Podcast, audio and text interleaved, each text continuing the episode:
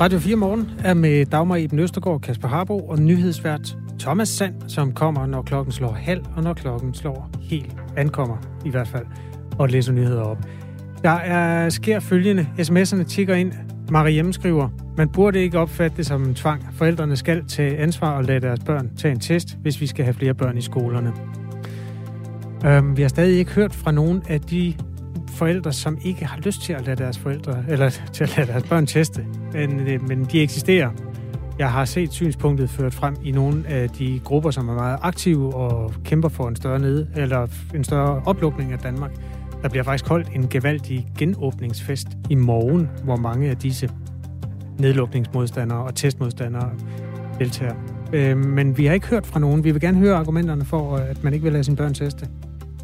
Det vil vi i hvert fald, og øh, så skal vi også øh, den her morgen omkring øh, nogle andre forskellige ting. Vi skal blandt andet øh, snakke lidt om det her.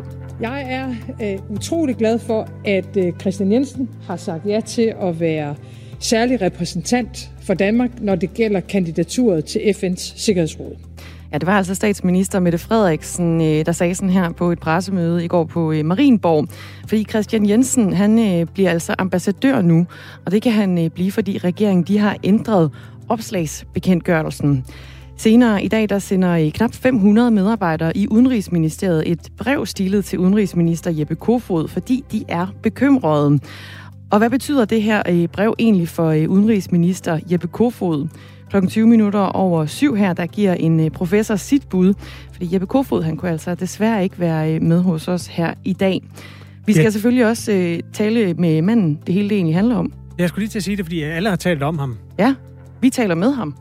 Vi har selvfølgelig øh, Venstres tidligere næstformand øh, Christian Jensen med her i øh, Radio 4 morgen, og han skal altså være særlig repræsentant for Danmark i øh, nogle bestræbelser på at sikre en plads i øh, FN's Sikkerhedsråd på et eller andet tidspunkt, et sted mellem år 2025 og 26. Et sted ud i fremtiden. Hvor gammel bliver en el? du kender godt ja. svaret. Den bliver el-gammel.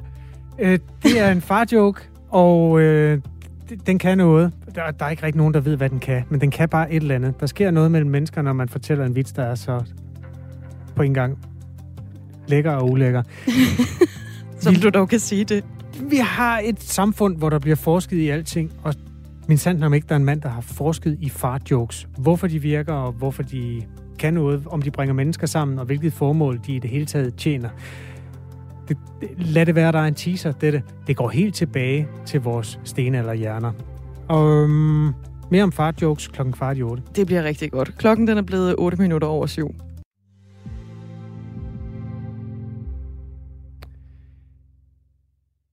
Danske regioner og praktiserende lægers organisation har opsagt en kontroversiel aftale, som blev indgået sidste sommer. Aftalen gjorde det muligt for lægerne at opkræve et gebyr på 45 kroner, hver gang lægen videresendte et negativt testsvar til en patient, der var blevet tjekket for corona af den her aftale mellem danske regioner og PLO, der fremgik det, at det gebyr kun skulle opkræves, hvis grunden er fagligt indiceret. Altså lægerne skulle have en særlig grund til at eftersende et svar, som sådan set ikke var så interessant endda. For en negativ coronatest kan jo være rar at få, men patienterne kan jo selv tjekke dem inde på sundhed.dk eller i sundhedsappen eller et eller andet sted. Ikke desto mindre var der øh, en del læger, der sendte negative testsvar videre, og vi kunne for et par uger siden fortælle, at det har kostet de danske skatteydere 23,4 millioner kroner. Bo Liebergren er regionsrådsmedlem i Syddanmark, valgt for Venstre og medlem af regionernes lønnings- og takstnævn. Godmorgen. Godmorgen. Nu er det altså slut. Regionerne og de praktiserende læger har opsagt aftalen. Hvorfor? Ja, fordi som du var inde på, så har den blevet brugt på en måde, som ikke var øh, hensigten, øh, og derfor øh, så har vi øh, nu øh, i enighed med PLO bragt øh, aftalen til ophør. Hvad er det helt præcis, der får jer til at føle, at den ikke blev brugt efter hensigten?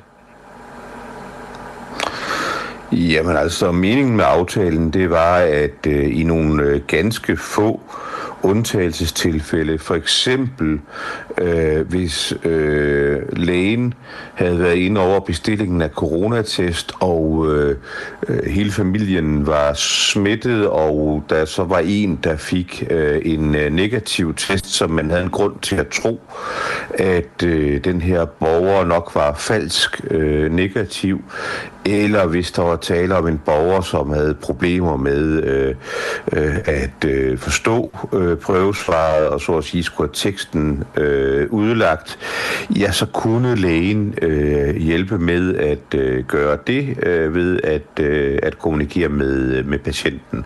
Mm. Øh, det var det, der var hensigten med det, og det giver sig selv, at øh, for øh, langt de fleste borgere, der vil det være øh, unødvendigt. Det vi så kunne se, det er, at øh, ydelsen er blevet brugt i ganske stort øh, omfang. Det var ikke hensigten.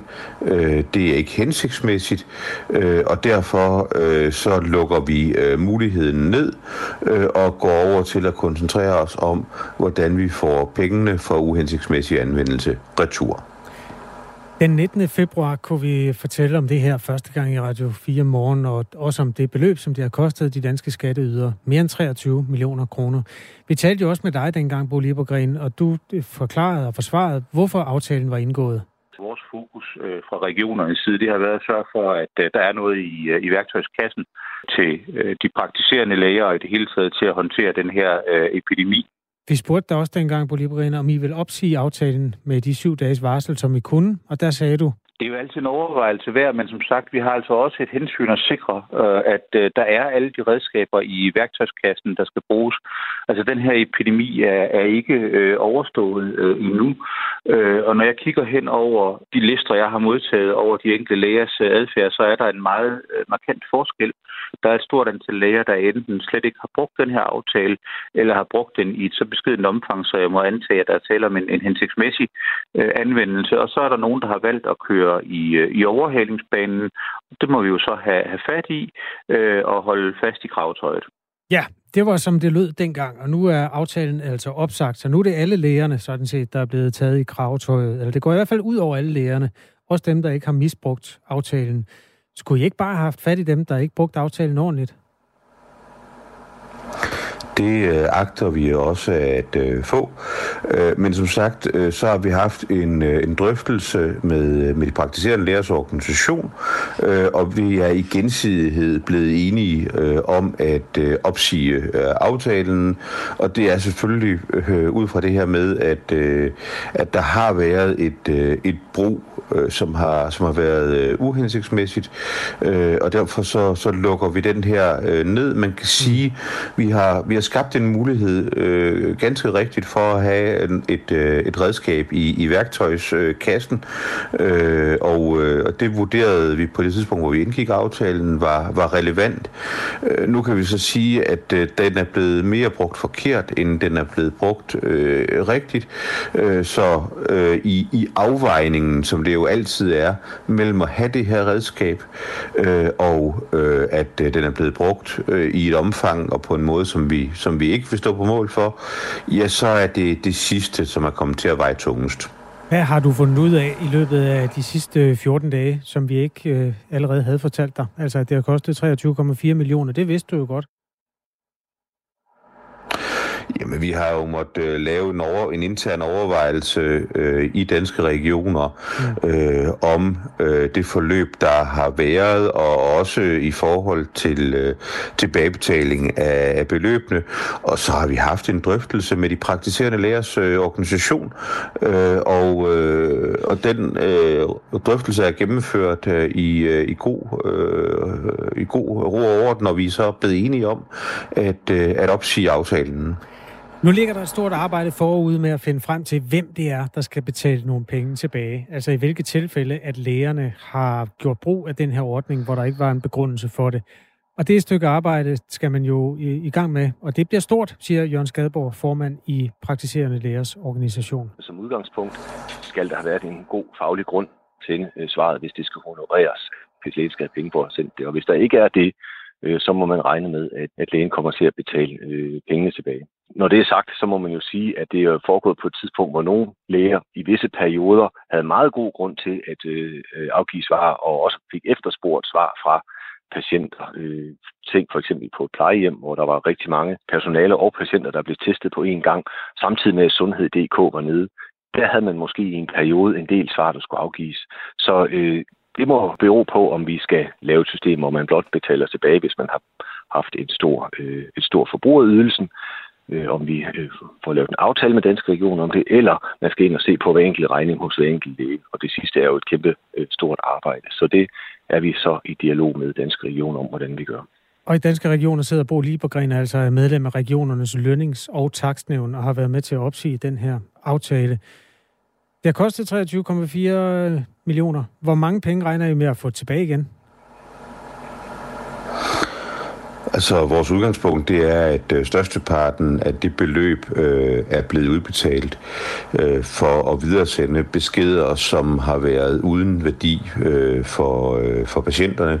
Men altså, øh, som øh, I også øh, spillede det her bånd med, med Jørgen Skadeborg, så, øh, så er det noget, som vi er i dialog med, med de praktiserende lægers organisation om, øh, og vi går efter i fællesskab øh, at finde en model for, hvordan vi kan håndtere det.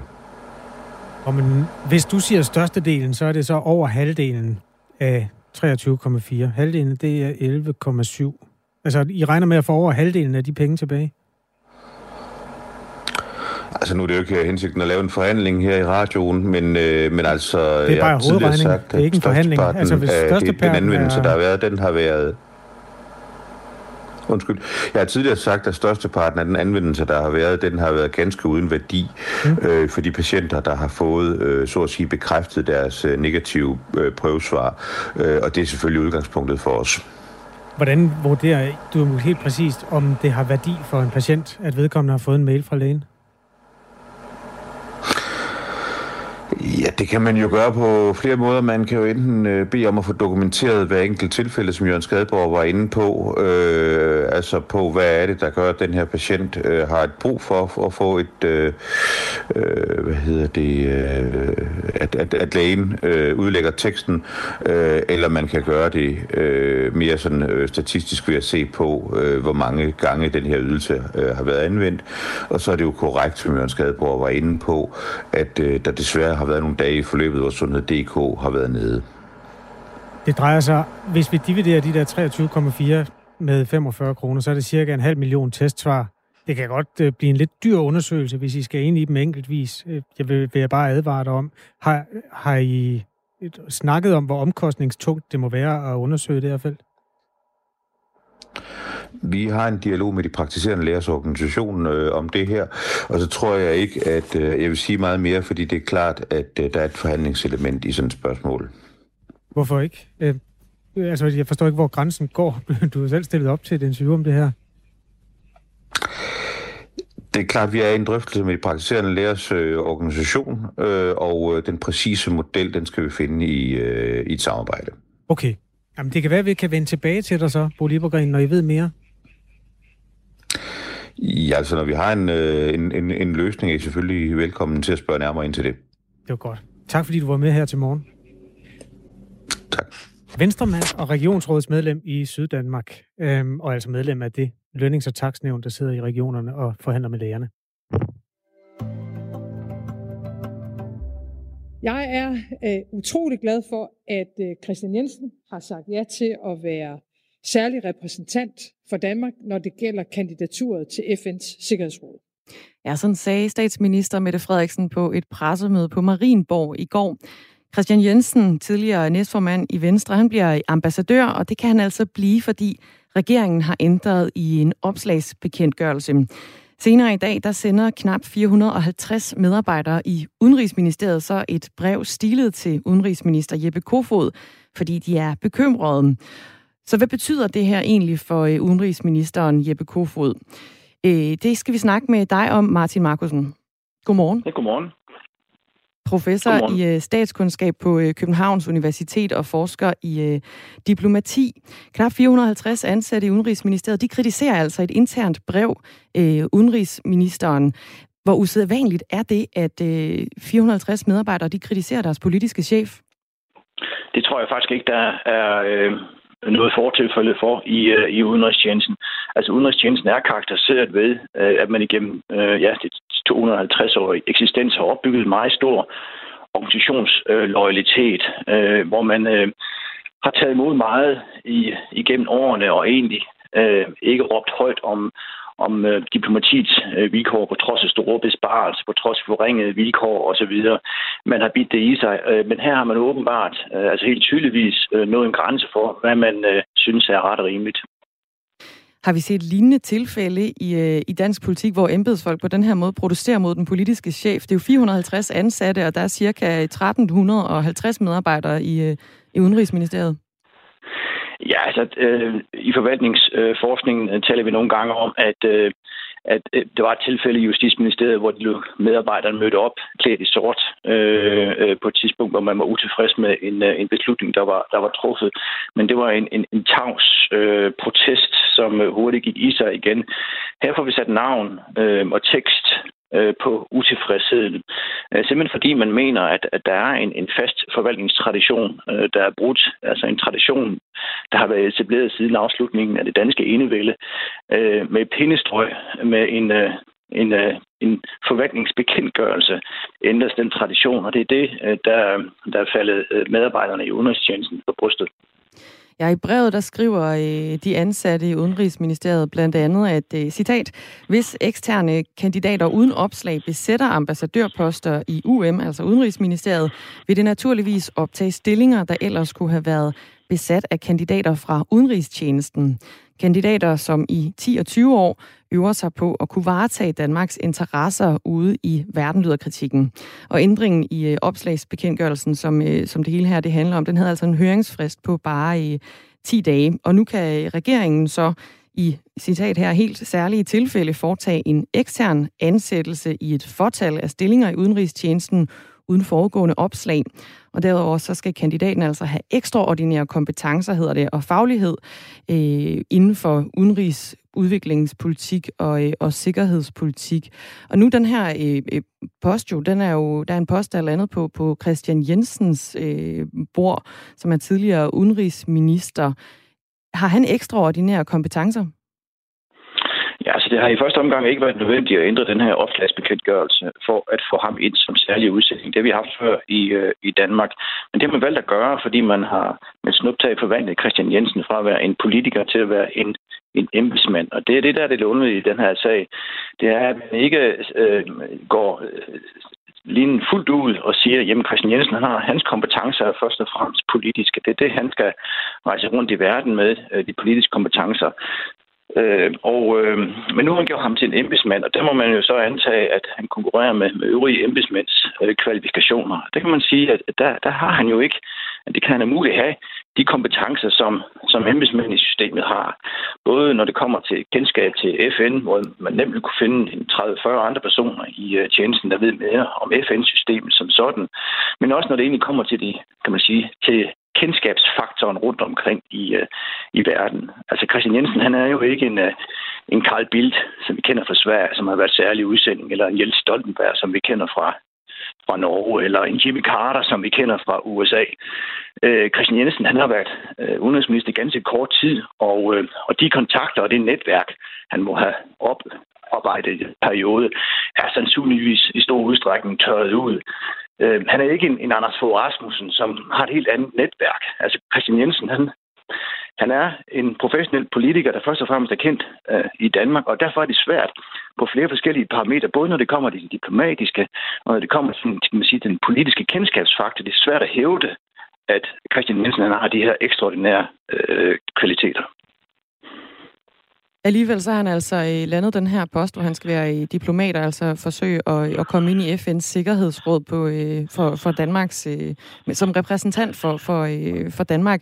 Nu er der så de her 450 medarbejdere, der har skrevet et protestbrev imod ændringen her i opslagsbekendtgørelsen til jo Jeppe Kofod, der er udenrigsminister. Kan han lede et ministerium, hvor så mange medarbejdere de har skrevet sådan et brev? Men det er... Øh i første omgang gik man rundt og troede, at de her øh, enkelte diplomater løb en personlig risiko for deres karriere ved at stille sig op i protest mod deres politiske ledere. Men nu er der så mange af dem. Det er 450, vi taler om. Det er en meget, meget stor del af ministeriet, der sådan set er trådt. Og så bliver det lige pludselig Jeppe Kofods øh, problem, fordi han er jo øh, leder af huset. Han er Danmarks diplomat nummer et, men han er også, også øh, leder af et, et ministerium, hvor han skal sørge for at holde, holde, øh, holde flokken samlet og sørge for, at, øh, at bevare det, som jo egentlig er dansk øh, udenrigspolitik særkende, det er, at vi har et samlet diplomatisk korps, som lojalt også selvom vilkårene er hårde, arbejder sammen. Øh, noget vi sidst så eksempelvis, da danskere skulle reddes rundt, øh, reddes hjem øh, fra, fra hele verden under, under coronakrisen, hvor alle medarbejdere blev bedt om det, arbejdede der nat i flere uger i træk, øh, uden at stille spørgsmålstegn til, om det er rimeligt. Og det er den loyalitet, som man er afhængig her af at have som arbejdsgiver eller som politisk leder, i det tilfælde af Jeppe Kofod, for at kunne få det her hus til at fungere. Hvis folk begynder at arbejde efter reglerne, så vil alt bryde sammen i udenrigstjenesten simpelthen. Men er der ikke også, altså, skal embedsfolkene ikke også bare på en eller anden måde klappe hælene sammen og, øh, og, og sige, ja vel, det er jo en politisk beslutning, det her, den her ændring, den er, er, er vedtaget, og den er demokratisk vedtaget. Skal, skal embedsfolk virkelig blande sig i det? Ja, embedsmændenes øh, faglighed, det er, det er jo det centrale for dem. Det er det, øh, der gør dem det dækker dem til embedsmændene. Vi skal huske på, hvorfor det egentlig er, at, at vi har igennem 250 år opbygget de her embedsmandsstyre, som, som handler om troværdighed og upartiskhed og integritet og faglighed. Og det er jo fordi, at vi, men, vi opnår dermed at få en, en offentlig forvaltning, der vækker tillid i befolkningen, der er effektiv, når den skal udføre øh, øh, politisk beslutning, og som er ukorrupt, kan man sige. og det er, det, det er de store principper, der er på spil. Så jeg vil sige, jeg vil næsten vente om at sige, hvis ikke embedsmændene skal træde karakter nu, Øh, hvornår skal de så egentlig? Hvad for nogle konsekvenser kan det her få for udenrigsminister Jeppe Kofod? Det bliver, øh, jeg vil sige, at han får kæmpe stort øh, opbygningsarbejde i sit ministerium. Øh, udnævnelsen af en særlig rådgiver som Christian Jensen er ikke det, der får læsset til at vælge, men det er den ændring i, øh, i opslagsbekendtgørelsen, der, øh, der, der kan være et lille, den lille tue, der får læsset til at vælte. Der kan være sådan en Pandoras boks, der kan åbne op for, at man senere øh, kan udnævne øh, venner og fjender øh, til, til centrale diplomatiske poster. Så den tillid skal bygges op igen. Og det tager jo altså noget tid for, for Jeppe Kofod at gøre det, hvis det overhovedet lykkes for ham. Martin Markusen, tusind tak, fordi du var med her. Det var så lidt professor i statskundskab på Københavns Universitet, altså forsker i diplomati. Og øh, vi har her på øh, kanalen forsøgt at få en kommentar fra udenrigsminister Jeppe Kofod, men han har altså ikke haft mulighed for at øh, deltage her til øh, morgen. Til gengæld så taler vi med Christian Jensen om øh, den opgave, der venter forude. Du hører Radio 4, det er den 10. marts. I morgen er det den 11. marts. Det jeg vil sige i aften, det kommer til at få store konsekvenser for alle danskere. Der vil komme svære situationer nu for rigtig mange borgere, og der bliver brug for, at vi hjælper hinanden. I morgen er det et år siden, at statsminister Mette Frederiksen stod i spidsen for regeringen, som lukkede landet ned.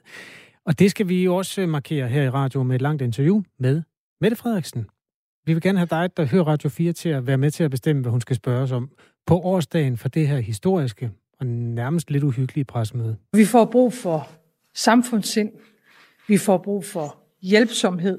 Jeg vil gerne sige tak til alle borgere, virksomheder, frivillige organisationer, arrangører, alle, der indtil nu har vist, at det er præcis det, vi har i Danmark, samfundssind. Og det får vi brug for i de kommende uger.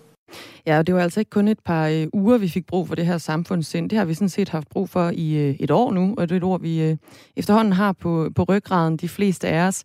Øh, og det fortsætter med nogen sandsynlighed også en lille smule endnu. Men statsministeren, Mette Frederiksen, hun kommer altså i øh, Radio 4 morgen i morgen tidlig, og det er for at være øh, ganske præcis kl. 8.40 for at øh, svare på vores spørgsmål, og ikke mindst dine spørgsmål i forbindelse med coronakrisen. Så du må rigtig gerne byde ind på den her, i det her interview, vi altså har i, øh, i morgen. Efter pressemødet fulgte jo et år fuldt af diskussioner. Der var mink, der var vacciner, der var konspirationsteorier, der var en dukke, der brændte i en lygtepæl. Der har simpelthen været så mange begivenheder, at der er sket mere det sidste år, end der er sket de foregående 10 sådan på dansk jord. Og, og alt det her er jo kogt ned i en virkelighed, som vi bevæger os rundt i nu, og som vi alle sammen øh, går lidt med nogle ar så, og prøver at fordøje. Så lurer mig om ikke, der er nogle meget personlige øh, grunde til, at du kan have et spørgsmål, som skal skydes afsted øh, lige præcis nu. Der har både været snak om genåbninger og nedlukninger og mink, og øh, der har, corona har taget os hele vejen øh, rundt i, øh, i manesien på alle mulige måder. Og sms'en er altså åben for dit spørgsmål. Det er den på øh, 1424. Du starter din besked med R4, og så skriver du et mellemrum og naturligvis din besked. Klokken den er halv otte, og det betyder nyheder her på Radio 4 med Thomas Sand.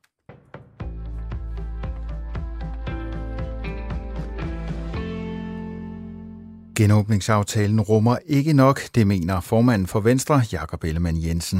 Det er øh, sent, at den kommer, og øh, jeg må sige, at særligt for skoleelevernes øh, vedkommende, der øh, kommende, så synes jeg, det er øh, noget uambitiøst. Og så ærger det mig, at de liberale erhverv, de ikke er taget med. Sådan lyder reaktionen fra Ellemann Jensen efter, at regeringen SF, de radikale og enhedslisten har indgået en genåbningsaftale fra på mandag må efterskoler og højskoler igen åbne, også afgangselever i grundskoler og på ungdoms- og voksenuddannelser må vende tilbage til fysisk undervisning en del af tiden.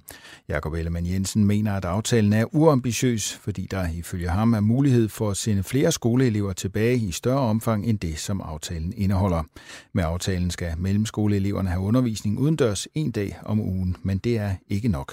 Jeg synes, at man skulle sende øh, de her 5. til 8. klasser øh, tilbage i et større omfang. Og det kan ikke være på fuld tid, men det kan godt være mere end en dag udendørs om ugen. Øh, det synes jeg altså ikke er, er tilstrækkeligt. Regeringen og støttepartierne mener ikke, at der kan åbnes mere op af Danmark på grund af smittetrykket. Det er Venstreformanden ikke enig i.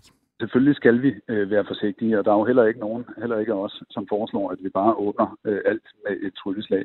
Men jeg mener, at, at de tal, vi ser, de giver altså større muligheder end det, som regeringen og den støttepartier lægger op til her. Der vil mangle knap 100.000 faglærte i år 2030. Manglen på kvalificeret arbejdskraft tegner så omfattende, at nedskæringer på velfærd truer. Det viser en ny prognose fra Arbejderbevægelsens Erhvervsråd, skriver Jyllandsposten. Henrik Møring orienterer. Arbejderbevægelsens Erhvervsråd laver sine prognoser med fem års interval, og der er tale om den hidtil voldsomste mangel på faglærte lige fra smede til socioassistenter. AI-chefanalytiker Emilie Agner Dam advarer om lavere produktivitet, lavere vækst og færre penge til velfærd. Professor Henning Jørgensen fra Aalborg Universitet vurderer, at især den offentlige sektor – vil få svært ved at rekruttere den fornødne kvalificerede arbejdskraft, og det vil betyde ringere velfærdsydelser. Beskæftigelsesminister Peter Hummelgaard ser på situationen med alvor. Vi bør alle skælve ved tanken om, at der om få år kan mangle op mod 100.000 faglærte, og vi er nødt til at råbe neglene for at få gjort noget, siger han til Jyllandsposten. Tusindvis af danske skoleelever skifter i dag deres almindelige skoledag ud med forskellige former for arbejde, når de samler ind til unge peruaneres kamp for en skolegang uden seksuelle overgreb og chikane i forbindelse med kampagnen Operation Dagsværk. Men i år er Operation Dagsværk ganske anderledes end tidligere års. Pandemien har sat en effektiv stopper for de gængse arbejdsmuligheder. Derfor skal mange unge arbejde hjemmefra og for deres forældre, fortæller kampagneleder i Operation Dagsværk Maria Falk Rasmussen. Altså dagsværkdagen øh, i, øh, i år, den bliver jo unægteligt noget anderledes. Der, hvor vi blandt andet har været vant til at sende elever ud til arbejdsgiver, de ikke kender private og virksomheder, der har vi i stedet for været nødt til at opfordre eleverne til at finde job hjemme hos deres familier, deres øh, forældre, øh, for ligesom at kunne, kunne gøre det på en coronasikker måde. I de østlige egne af landet og i Nordjylland nogen eller en del sol frem til ud på eftermiddagen, men ellers skyde vestfra og i løbet af eftermiddagen i Jylland ret udbredt regn eller slud. I Nordjylland måske tøs sne. Dagtemperaturer op mellem 3 og 6 grader. Det var nyhederne på Radio 4 med Thomas Sand.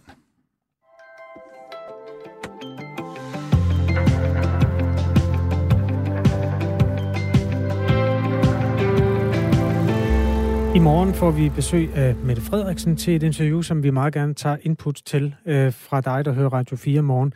Der er også kommet et andet input, nemlig øh, følgende. Hvordan kan Mette Frederiksen være på Marienborg i går, når hun skal være i karantæne efter turen til Israel, spørger en lytter. Og en anden lytter spørger med bekymring for os, øh, hvordan kan hun komme i Radio 4 hun har været i Israel. Skal hun ikke i karantæne? Ja, og hun var jo i Israel, men hun kom altså øh, hjem derfra torsdag aften i sidste uge, så der er egentlig ikke rigtig nogen slinger valsen her, fordi det er sådan, at øh, når hun kom hjem, så skulle hun fire dage i karantæne, og det har altså noget at gøre med, øh, at du skal nå at have to negative coronatest. Og hvis ikke man når det, så skal man 10 dage i karantæne.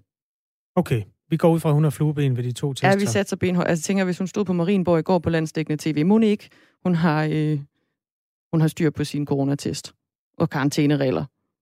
Vi har også spurgt, hvorfor vil du ikke lade dit barn teste? Der er en øh, modstand i nogle kredse i Danmark mod at øh, lade børn teste, og det er faktisk også kommet en sms på. Der er en, der skriver, at jeg vil gerne lade mit ene barn teste, da hun er neurotypisk og ville sagtens kunne klare det, men min autistiske dreng ville være urealistisk, uden det vil ende i, at den voksne må holde og bruge magt, hvilket ikke er i orden. Der er altså en årsag der til, at man i hvert fald ikke vil lade sit barn teste. Tak for sms'en.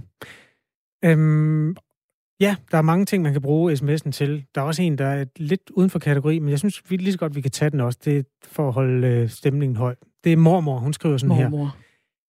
Genåbning. Jeg har hørt, at der er nogen, der er coronatestet negativ, der vil lade sig teste hver dag, for at få det generelle coronabillede til at fremstå mindre farligt. Og at disse grupper findes på Facebook. Disse folk er specielt fodboldglade voksne, som åbenbart er så barnlige, at de vil lade sig teste hver eller hver anden dag. Og det er sørgeligt, skriver mormor. Det kan man argumentere for, men det er også på en eller anden måde lidt en smart strategi, ikke? Altså, der er 170.000, eller nogle dage 150.000, der går ind og tager en coronatest. Mormors teori er så, at en stor gruppe af dem er mennesker, der gør det med den bevidsthed, at de ikke har corona, men for at få positiv procenten ned. Vi, har, vi hører jo hele tiden, at tallene de skal ligesom se pæne ud på en eller anden måde, ikke? For, at, øh, for at vi kan få en yderligere genåbning. Så der er altså nogen, der angiveligt, ifølge mormors øh, informationer og oplysninger, i hvert fald arbejder aktivt for at få tallene til at se pæne ud, simpelthen. Hvis du er en af de aktionister, der går til coronatest udelukkende for at få presset positiv procenten ned, så hører vi meget gerne øh, fra dig. Din tid, den kan ikke være særlig kostbar, så du har nok også tid til at skrive en sms til os. Øh, start med R4 og et mellemrum, og så send beskeden til 1424. Venstres tidligere næstformand Christian Jensen, han skal være særlig repræsentant for Danmark i øh, bestræbelserne på at øh, sikre nationen en plads i FN's Sikkerhedsråd mellem 2025 og 26. Øh, det bekræftede statsminister Mette Frederiksen på et pressemøde på Marienborg i går. Jeg er øh, utrolig glad for, at øh, Christian Jensen har sagt ja til at være særlig repræsentant for Danmark, når det gælder kandidaturet til FN's Sikkerhedsråd. Og nu kan vi sige uh, godmorgen til dig, Christian Jensen. Godmorgen til dig, Christian Godmorgen. Jensen. Ja, nu fandt jeg dig. Der var du. Godmorgen og tillykke. Godmorgen og tillykke med udnævnelsen, tak. Christian Jensen. Ja, tak for det. Vi starter lige med at øh, adressere en elefant i øh, rummet, fordi siden rygterne om øh, din udnævnelse de tog til, så er øh, kritikken altså, øh, så har den gjort det samme. I et internt brev, der kritiserer knap 450 ansatte i udenrigstjenesten, at øh, politikere som dig, de fremover kan udpeges til nogle tunge diplomatiske poster. Og øh, hos Jøf og øh, den akademiske fagforening DM, der er de altså heller ikke sådan helt tilfredse. Sådan her, der lyder det fra formand for DM, Camilla Gregersen. Jeg har noget meget imod, at vores embedsværk pludselig bliver et sted, hvor man sender folk hen, som man ikke lige kan bruge i politik. Fordi det er vores embedsværk faktisk Øh, for vigtigt til, og udenrigstjenesten løfter nogle rigtig, rigtig vigtige opgaver, som vores medlemmer er dybt dedikeret omkring, dem der arbejder i udenrigstjenesten. Og hvis de fremover kan se, at topposterne, dem kan man regne med går til den politiker, som lige nu i en eller anden situation har behov for at komme væk, eller hvor som er til over sin ministerrokade, så bliver det også svært at fastholde de dygtige folk i udenrigstjenesten. Christian Jensen, det er jo ikke dig, der på egen hånd har besluttet, at øh, politikere de kan udnævnes til de her diplomatposter. Men hvad er din kommentar til den, til den kritik, som er, er, er kommet i forbindelse med din udnævnelse? Jeg, jeg anser ikke lige mig selv som en, der er til over sin ministerrokade med den nuværende regering. Øh, og det er sådan set ikke fordi, at der ikke har været et ønske fra, fra Venstre om, at det blev i, øh, i Folketinget. Øh, jeg har fået en spændende opgave, og den har jeg sagt ja til, og det er jo en helt unik opgave. Det er en opgave, der kommer hver 20. år, at Danmark forsøger at være kandidat til FN's Sikkerhedsråd, og øh, den opgave kan løses af rigtig mange, men den kan løses meget godt, øh, og på lige fod med det, man gør i andre lande, ved at sætte en erfaren politiker med internationalt øh, netværk til at stå i spidsen for opgaven. Og det er derfor, jeg har sagt ja til den her opgave. Men hvad, hvad er din kommentar til den kritik, der har været? Der er jo nogen, der peger på, at det her med, at det er, øh, er forkert, at der politisk kan udpeges diplomater. Altså, jeg mener jo ikke, det er forkert, fordi så har jeg jo ikke sagt, sagt ja, men det er jo sådan set regeringens valg. Så, så det er jo mere regeringen, du skal spørge om deres overvejelser på det her. Jeg synes, at det er rigtigt, at i helt særlige tilfælde, der kan politikere godt bruges til at løse konkrete opgaver inden for diplomatiet. Og derfor har jeg sagt ja. Vi kan lige sige her, at øh, Sikkerhedsrådet har fem permanente medlemmer, og det tæller Storbritannien, USA, Frankrig, Kina og øh, Rusland. Derudover så er der øh, i 10 medlemmer, der er valgt for en toårig periode af FN's generalforsamling. Og Danmark har øh, samlet set fire gange, altså tidligere været en del af FN's Sikkerhedsråd. Og senest der var det i øh, mellem 2005 og 2006. Christian Jensen, på dit CV, der kan du blandt andet skrive tidligere udenrigsminister, du kan også skrive øh, finansminister og skatteminister, og så stoppede du i august 2019 som næstformand for, øh, for Venstre. Gør det dig særlig kvalificeret øh, til, til det her job, mener du? Det synes regeringen jo, for det er derfor, de har spurgt mig. Og jeg synes, at jeg vil være i stand til at løfte opgaven, og derfor har jeg sagt ja. Altså det, som jeg vil kunne, det er jo at kunne skabe en aktivitet i det netværk, jeg i forvejen har som tidligere udenrigsminister.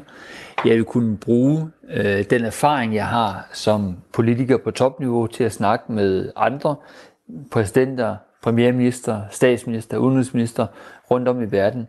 Man skal huske på, at noget af det, der bliver min opgave, det er jo ikke at gå ind over der, hvor vi forvejen har en stærk ambassade, hvor vi forvejen har vores dygtige FN-ambassadør i, i New York. Min opgave bliver i høj grad at række ud til mange af de lande, hvor Danmark ikke er repræsenteret i dag, hvor vi ikke har en tilstedeværelse i form af en ambassade og en ambassadør, og så sørge for, at de lande også er klar over, at Danmark stiller op, er klar over, at de lande bliver klar over, hvad det er for nogle prioriteter, vi kører kampagne for, for at blive valgt ind. Og derfor øh, er I velkommen til at diskutere videre, om, om det rigtige er blevet udpeget, men det må I sådan set gøre med regeringen. Det har jeg ikke tænkt mig at deltage mere i, fordi det, der er vigtigt for mig nu, det er at køre den bedst mulige kampagne og sikre, at Danmark får et plads ved bordet i FN's Sikkerhedsråd. Men kan du ikke sætte nogle ord på, hvad det er for nogle kvalifikationer, du har, som gør, øh, at, at du bliver ekstra god til det her job, i forhold til, kan man sige, en, en almindelig diplomat, som øh, søger jobbet på et opslag? Jo, og det har jeg lige gjort. Øh, det var de ting, jeg sagde i det spørgsmål, du havde lige før. Og du er velkommen til at spørge regeringen om deres overvejelser bag min udnævnelse. Men det, jeg fokuserer på fremadrettet, det er, hvad skal der til for, at Danmark bliver valgt? Ja, og hvad er det så, der skal til for, at Danmark bliver valgt, Christian Jensen?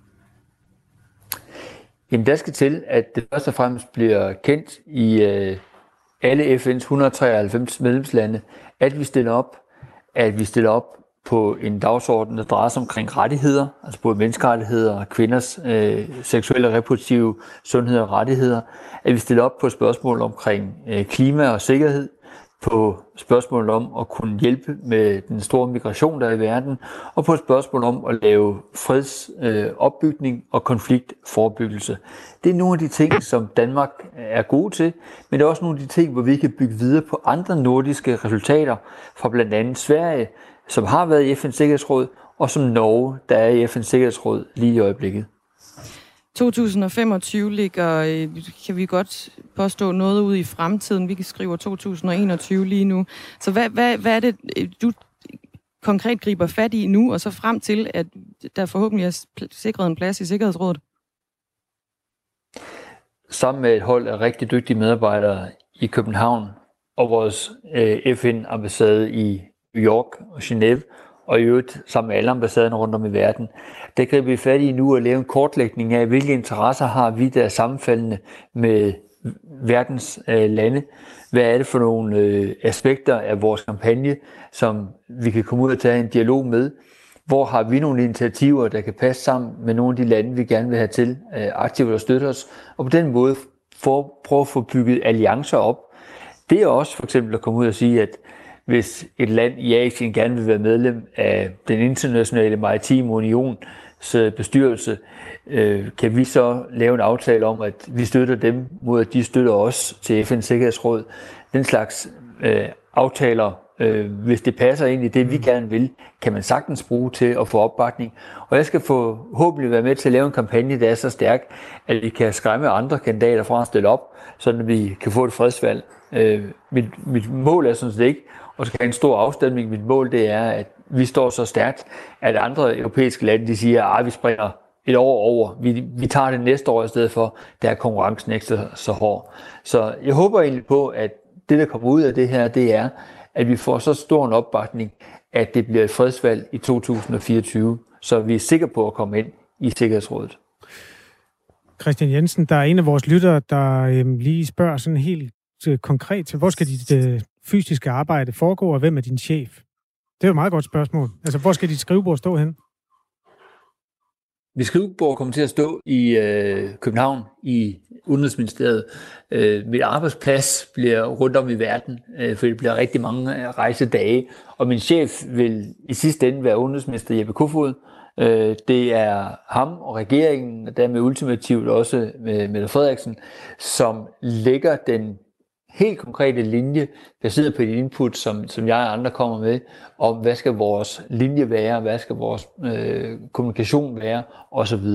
Okay. Øh, Godt. Og vi er jo heldigvis vant til, at udenrigspolitik i Danmark, det foregår med brede forlig, og derfor tror jeg også, at vi sagtens kan finde ud af det på det her område. Hvornår melder du dig ind i Socialdemokratiet? Aldrig. Okay, det er godt. Øh, god arbejdsløs, Christian Jensen.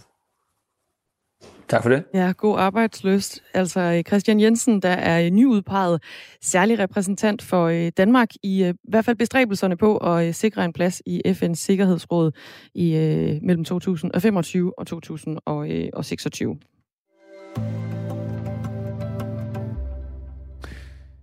Vi har fine forskermiljøer i Danmark, og nu er der blevet lavet en stor akademisk analyse af et øh, fænomen, som aldrig er blevet undersøgt før nemlig far-jokes.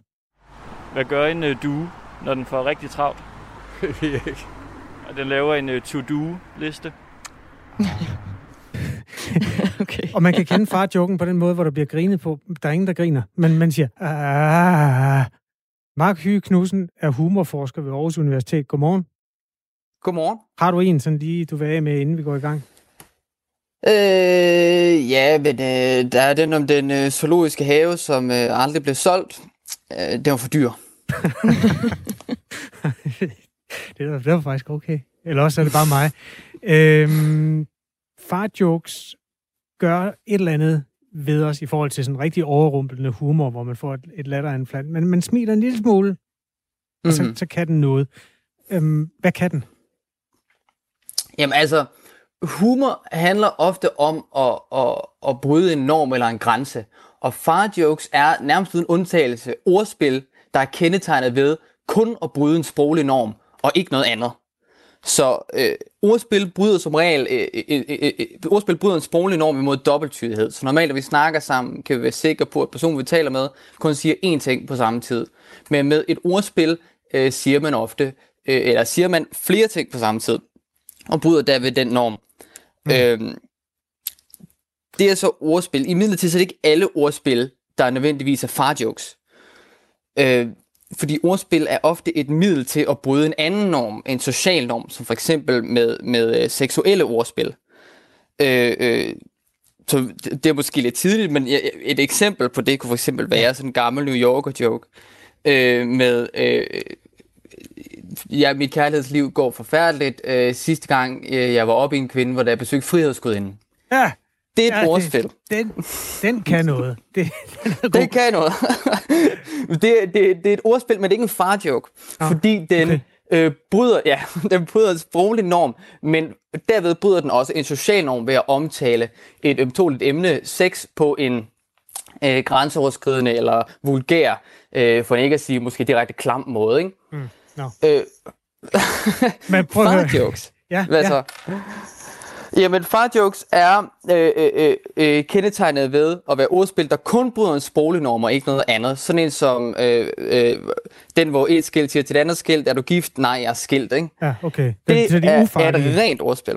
Det er ufarligt, det er rent ordspil, og det er det, som gør dem platte. og øh, øh, grænsende til det usjove, fordi de fleste folk ikke er nok engageret i de, i de sådan sproglige normer, der, der regulerer vores hverdagssamtaler til at registrere deres brud som særlig meget af, af en grænseoverskridelse. Så Men, man løfter sådan lige det ene øjenbryn sådan konstaterende. Der gjorde du det. Ja, Jeg så, hvad du ja, gjorde præcis. der. Ja, okay. Mark Hyge Knudsen er altså humorforsker ved Aarhus Universitet og har analyseret far-jokes, og det er faktisk øh, den første gang i verden, at den har et engelsk navn, Dad Jokes and the Deep Roots of Fathering Teasing. Fatherly Teasing. Øh, Den bliver snart publiceret i det videnskabelige tidsskrift Evolutionary Studies in Imaginative Culture. Du godeste, det er fine sager, det her. Øh, Mark, øh, jo mere man taler om, om humor, desto mere kedeligt synes jeg egentlig, det bliver også. Mhm. Mm-hmm. Altså, er- er I egentlig sjove mennesker, øh, for humorforskere? Nej, ikke i hovedreglen, vil jeg sige. Okay. Altså, der, er, øh, der er den der gamle vidighed om, at, at analysere humor, det er ligesom at, at, at, at, at dissekere en, en frø. Der er ikke nogen, der griner, og, og frøen dør. du, jamen, du er sjov alligevel. Du, du starter, du tænder og slukker for det. Øhm, vores reporter Anton Ringdal, han har, øh, du skal lige høre et, et sådan lille nedkog af en reportage, fordi Anton han tog en røvfuld farjokes med ud i virkeligheden. Så nu kommer der lige et minut og 24, så vi lige får kredset ind, hvad det egentlig er, vi taler om. Hvordan bliver man ekspert i tordenvejr? Ja, det kunne jeg også godt tænke mig at vide. Man tager et øh, lynkursus, Det gør man det. Sådan. fordi det er jo lyn og, og lyn, kan man sige. Ja, Hvad synes du om den joke? det synes jeg er fint. Kan du godt lide øh, jokes i den øh, genre der? Ja, jeg kan lide mange forskellige jokes. Må jeg stille dig et øh, spørgsmål? Er du stærk? Går det hurtigt? Hva, hvad hedder øh, Draculas øh, vegetariske fætter? Åh, oh, Gud. det ved jeg ikke. Rucola? Nå, ja, der var noget der. God dag, så. Hej hej. Er forårsruller varme eller kolde? De er varme. De er Daloon. Hvad for noget? Dalun? Det kan jeg, dem har jeg ikke prøvet. Men jeg ved det ikke. De må også være varme. De, de er jo lune. Lune? Daloon. Dalun? Den forstår jeg ikke. Det er fordi, der er et øh, forårsrulle mærke, der hedder Daloon. Åh, den der. Nej, de er kolde. Det er dem, man kan købe i poser. De er kolde? Ja. De er frosne nemlig. Mm. Men de er jo lune. Daloon. Og den forstår jeg ikke. Nej. Og kan du godt lide forårsruller? Ja, det kan jeg godt. Det kan jeg. Ja, det kan jeg også godt. Det er godt. Og god dag. Ja, lige Og så kom der verdens største fejremaskine forbi på en eller anden måde at redde dem ud af den der situation. Der er betydelige mængder af det øh, grundstof, der hedder cringe med i det her også, altså tokrummenhed. øh, Mark Høgh Knudsen, øh, er, er det en del af DNA'et i en farjoke også, at den er pinlig? Ja, altså den, den, den stereotypiske situation, som farjoken får sit navn fra, er jo, at øh, øh, en farjoke fortæller en plat vidighed til sine børn, der er så pinligt dårlige, at de ruller øjnene af ham, eller stønner og synes, han er åndssvag. Ikke? Ja. Øh, øh, så der kan de netop være, øh, øh, øh, farjoken kan være en måde for fædre for eksempel at drille deres børn på, ikke ved at fortælle en vidighed, der bevidst er øh, så dum, at øh, de føler andenhåndspilighed på grund af det. Hvad? Sig lige det en gang til. Jamen, altså, at fædre kan øh, ligesom drille deres børn ved Ja. at fortælle en vidighed, der er så plat, at, øh, øh, øh, at børnene føler andenhåndspinlighed af det. Altså, de synes, det er pinligt, at deres far fortæller så Nå, ja, okay. åndssvag en vidighed. Jamen, de, altså, de synes jo alligevel, at man er pinlig. Men det er så det, det bygger ovenpå. Mhm. Øhm, hvad har du fundet ud af i din forskning i forhold til, hvad skal man sige, sådan de mere, at man plejer også at spole lidt tilbage i vores sten eller hjerner og finde ud af, hvad det er, vi er disponeret for i, i de her øh, fænomener.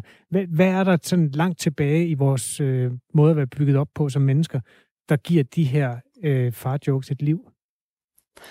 Øh, jamen altså, øh, hvad kan man sige, forbindelsen mellem, mellem øh, fædre og farjokes er jo er at finde i sådan den særlige relation mellem fædre øh, og deres børn. Og, fæ- og fædre har til synlædende en, en, en speciel måde dels at, at, at lege med deres børn på, øh, og at joke med deres børn på. Så for eksempel i lejen med deres børn, så er fædre mere voldsomme, de er mere grænsesøgende, særligt i den, i den fysiske leg. Øh, øh, og på den måde, så kan de lære børn alle mulige ting. Børn kan faktisk godt lide at lege med deres fædre i den fysiske leg, som er særlig voldsom. Øh, øh, øh, og de, de lærer impulskontrol af det, de lærer, hvad deres kroppe kan, og hvad de ikke kan, øh, øh, og så videre, og så videre. Øh, men i humoren, og det har sandsynligvis altid været tilfældet. Det går meget langt tilbage, og vi ser også lignende arter, som også chimpanser, hvor fædre også øh, øh, leger mere med deres egne børn end med andre børn, og, øh, øh, øh, og derved lærer dem forskellige ting og behersker sig fysisk. Men i, i humoren så er fædre så også øh, typisk mere øh, drillende. Øh, de stikker mere til deres børn. Øh, øh, og det er farjoken altså et eksempel på, at man fortæller en bevidst pinligt dårlig vidighed. Ikke? Mm. Øh, øh, og der, der snakker jeg jo så om, slut mod slutningen af min artikel, at, at, at, at der er et interessant billede der på samme måde som fædre, ligesom voldsomme og leg, eller, øh, øh, øh, kan have en opdragende effekt på børnene, så kan man faktisk tænke farjoken, øh, den piligt dårlige farjoke, som har en, en, en tilsvarende funktion. Ja, okay, det giver mening. Hvad hedder øh, verdens fattigste konge, spørger Ronny på sms'en. Det ved jeg ikke, ved han. Konkurs! ja. ja, det er øh, godt. Ja, det er godt. Den kan du tage med i dit projekt, Mark Lykke Knudsen. tak fordi du var med her. Ja, det er så lidt. Humorforsker ved Aarhus Universitet. Og øhm, vores øh, reporter, reporter øh, Anton Ringdal har jo som sagt lavet faktisk en længere reportage, hvor han tog i verden og fyrede jokes af. Øh, det, vi sender hele reportagen 8.34, og hvis du kan lide far jokes, så bliver det de bedste 8 minutter i dit liv. Inden det, så skal vi til øh, Silkeborg. Godmorgen, Jakob Zacharias Ejermand. Godmorgen. Godmorgen. Du er forstander på Silkeborg Højskole, og I åbner på mandag, øh, ligesom resten af, af landets højskoler. Det øh, gætter jeg på, det er en, en rigtig god nyhed for dig.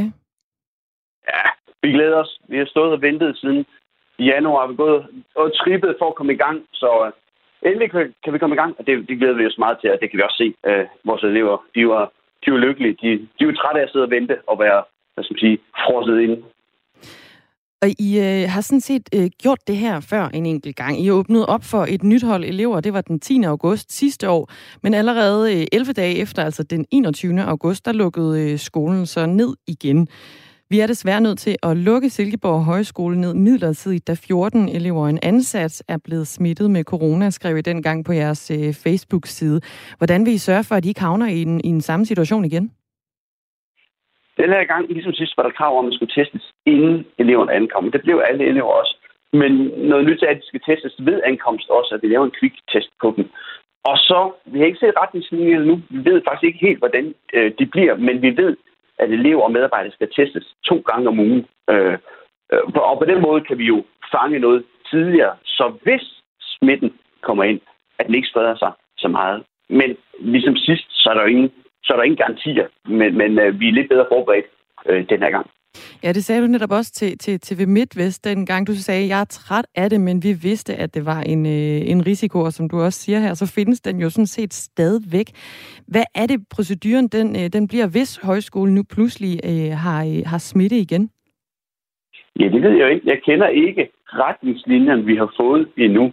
Men det vi vil gøre, det er, at hvis en er smittet, så lukker vi hele skolen ned. Fordi det er virkelig svært, når man bor på en skole, når man går så tæt op ad hinanden, spiser sammen, sover sammen, selvom man forsøger at holde afstand, så er det altså noget, der, der kan sprede sig som en, en snippebrand. Og så, så på den måde, hvis en er smittet, en elev er smittet, så vil, så vil vi lukke skolen ned, og så sende dem hjem en uge, og så starter vi forfra. Det er ikke sådan noget med bare at holde eleverne på skolen og sørge for, at de ikke kommer, kan man sige, ud derfra og hjem? Jo, men det kunne sige, det var, det var meget klogt, men det er ikke det, retningslinjerne har, har, har sagt. Øh, hvis retningslinjerne siger, at det er det, vi gør, så er det det, vi gør. Og, det, og der er jo de færreste af de unge, der, der faktisk har mange stærke symptomer efter det. Så vi kunne man sige, det har været klogt at gøre, men, men, der er vi også nødt til at følge de retningslinjer, de giver os. Jakob Zacharias øh, Ejermand, I har jo, øh, kan man sige, kort, kort frist til ligesom at, at blive klar, for I skal allerede øh, åbne op på, på mandag. Bliver I klar? Ja, det gør vi. Det gør vi. Altså, vi kender ikke retningslinjer, men vi gætter på, nogle retningslinjer. På den måde forbereder vi os. Og så kan vi ændre i sidste øjeblik, men vi er i gang med at, at, at få gjort rent igen og sætte bruger op og alt det, så vi bliver helt sikkert klar. Alle mand er, alle mand er på dæk og klar til at, til at tage fat, for vi, vi glæder os til at få eleven tilbage og, og lave højskole. Det er det, vi, det er det, vi sætter i verden for. Vi ønsker jer i hvert fald øh, held og lykke og god fornøjelse, Jakob Zacharias Ejermann. Tak. Tusind, tusind tak. Forstander på øh, Silkeborg Højskole, som altså øh, som resten af landets højskoler får lov at åbne igen på mandag. Du lytter til Radio 4. Husk, at du kan skrive ind, hvis du vil være med til at forme det interview, vi skal have med statsminister Mette Frederiksen i morgen. Den 11. marts er etårsdagen for det store pressemøde, der lukkede Danmark. Og det er med den klangbund, altså corona, at vi øh, laver interviewet. Så det skal være spørgsmål i den kategori, du sender ind på sms'en. Du skal tage telefonen frem, gå ind i sms'en, og så skal du skrive til 1424 og start din besked med R4 og et mellemrum. Og ja, så er dit spørgsmål, og fortæl også gerne lige, hvem du er og hvor du bor. Klokken den er blevet øh, 8, og det betyder nyheder her på Radio 4 med Thomas Sand.